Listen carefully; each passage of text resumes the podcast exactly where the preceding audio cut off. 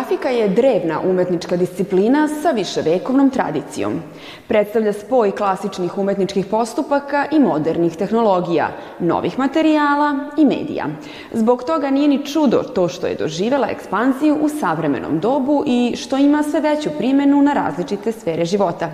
Mi na početku današnje emisije otkrivamo umetnike koji se bave tom umetničkom disciplinom i govorimo o njihovoj kolektivnoj postavci. Iz emisije izdvajamo. Izložba radova Lutajući otisak u galeriji Poklon zbirci Rajka Mamuzića.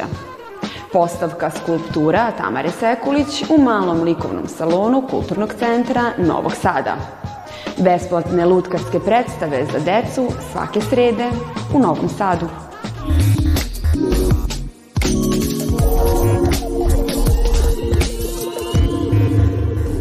U Galeriji likovne umetnosti Poklon zbirci Rajka Mamuzića u sredu 28. februara biće otvorena izložba grafika Lutajući otisak.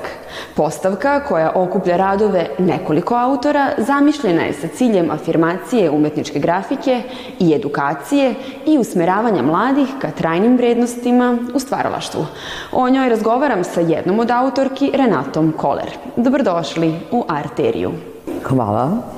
Ovom izložbom obeležava se decenija projekta Lutajući otisak. O kakvom projektu je reč i ko sve izlaže na ovoj postavci? Izlaže 17 umetnika, među njima su najznačajnije ima imena srpske likovne grafičke scene. Čak imamo jednog emeritusa, Harla Tikvešu, među nama, i to nam čini čast i zadovoljstvo. Većina profesora većina izlagača su profesori, e, redovni profesori, vanđeni profesori na Akademiji umetnosti, neki su u penziji i veoma su aktivni e, na likovnoj sceni. Osnivač Lutaj, projekta Lutajuće gotiske je profesor u penziji Radovan Jandrić. E, mi smo radili godinama po galerijama radionice, neke vrste radionica, direktno štampanje grafike u galerijama i poklanjali galerijama te otiske. Edukovali smo mlade kako se to radi, pošto sam, e, sama grafika je, znači, nakon 80. godina već je pala, a, a njegova zamisla je bio da podigne grafičku umetnost, što mislim da uspešno i radi ovih godina. Izložba prikazuje grafiku od figuracije do abstraktne umetnosti. Koje su sve tehnike zastupljene i šta preovladava? Razne tehnike su zastupljene, od linoreza na platnu, kolografije, sito štampe, kombinovanih tehnika, kolografije, bakropisa, akvatinte, cinkografije, um, litografije, što vidite za mene. Grafika je sve popularnija među umetničkim disciplinama, bar se tako čini. Gde sve ona nalazi primenu i šta je kod nas aktuelno u oblasti grafike? Gde nalazi primenu? Nalazi primenu normalno u stanovima kada je kupite i kada ih okačete na zid ili u galerijama i u stalnim postavkama. Svaka grafika je promišljena, svaka grafika ima svoj koncept, neko izučava, evo ja izučavam suprematizam i kroz to provlačim svoju grafiku. Drugi umetnici svoje osjećanja samo prenose, treći umetnici prenose svoju ekspresiju, i svoje ovaj poruke, što je najbitnije, neko, neko kroz grafiku svoj bunt ovaj iznosi.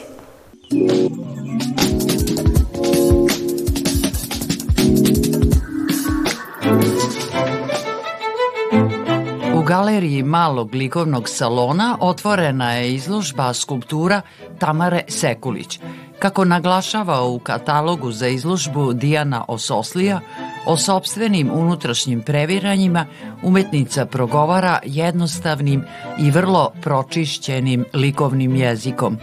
Smeštajući linije koje se kreću u različitim smerovima unutar geometriziranih oblika, Posmatrač ima utisak da je reč o lavirintu, ali kako i naslov kaže, izlazne putanje sugerišu i mogućnost izbavljenja – Na nama je samo da pronađemo put, jer kako vajarka Tamara Sekulić sugeriše, rešenje uvek postoji.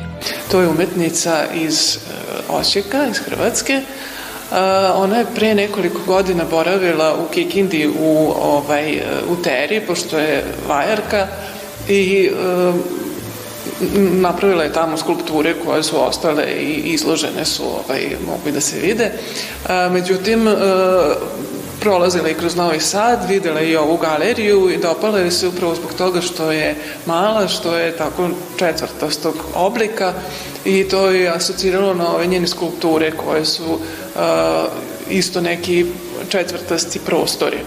Izložba se zove Izlazne putanje.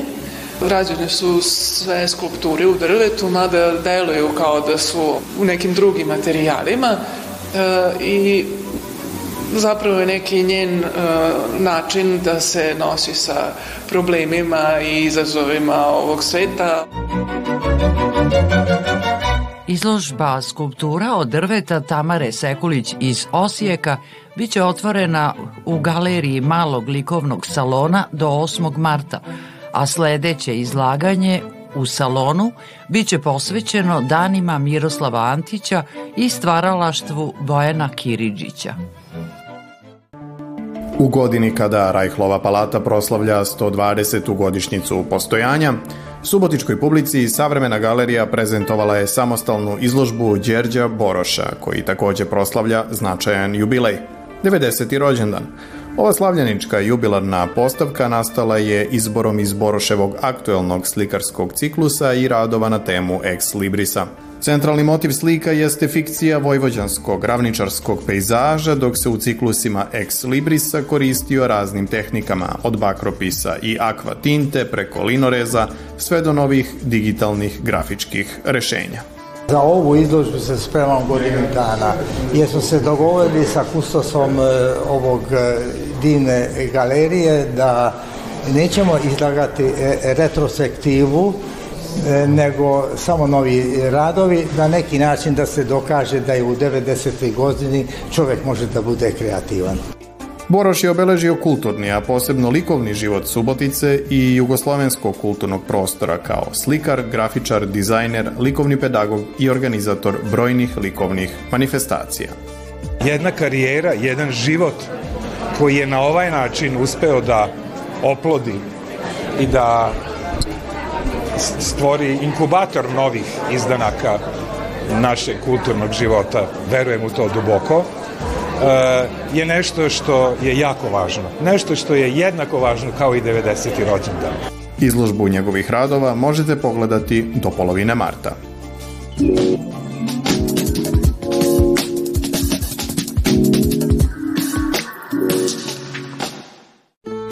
Da treba negovati ljubav prema teatru još od malih nogu svedoči manifestacija Bajkovita sreda u organizaciji Spensa koja svake nedelje od 18 sati sve do juna organizuje besplatne predstave za decu u trajanju od oko 45 minuta.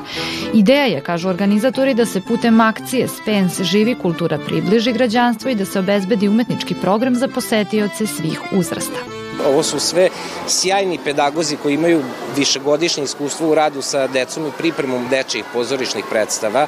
Na kraju kraja evo vidjet ćete i reakciju publike, svi su prezadovoljni kako to izgleda i roditelji i deca se vraćaju, znači evo svake srede sve ih je više i više. Prvi ih je bilo negde oko 100-120, prošle srede smo imali već negde oko 350 posetilaca na Bajkovitoj sredi, tako da računamo da će nam možda ovaj prostor uskoro biti i mali. Predstave za decu priređuju uglavnom novosadske pozorišne trupe, ali i ansambli iz drugih delova Vojvodine. Pozorište iz Kofera, novosadski je ansambl za decu koji postoji već 25 godina i kontinuirano izvodi lutkarske predstave za decu uzrasta od 2 do 9 godina. Tročlana pozorišna trupa izvela je čuvenu predstavu Tri praseta, koja na edukativan način aktualizuje temu dobra i zla. Naše predstave su onako malo interaktivne, uglavnom je fokus na lutke i ovaj, na glumce, ali naše predstave su pune muzike i koreografije i deca rado pevaju, učestvuju sa nama i tako. Kada Vuk treba da se ulovi, tu su najaktivniji i ovaj, e, naša svaka predstava ima, što se kaže, pouku.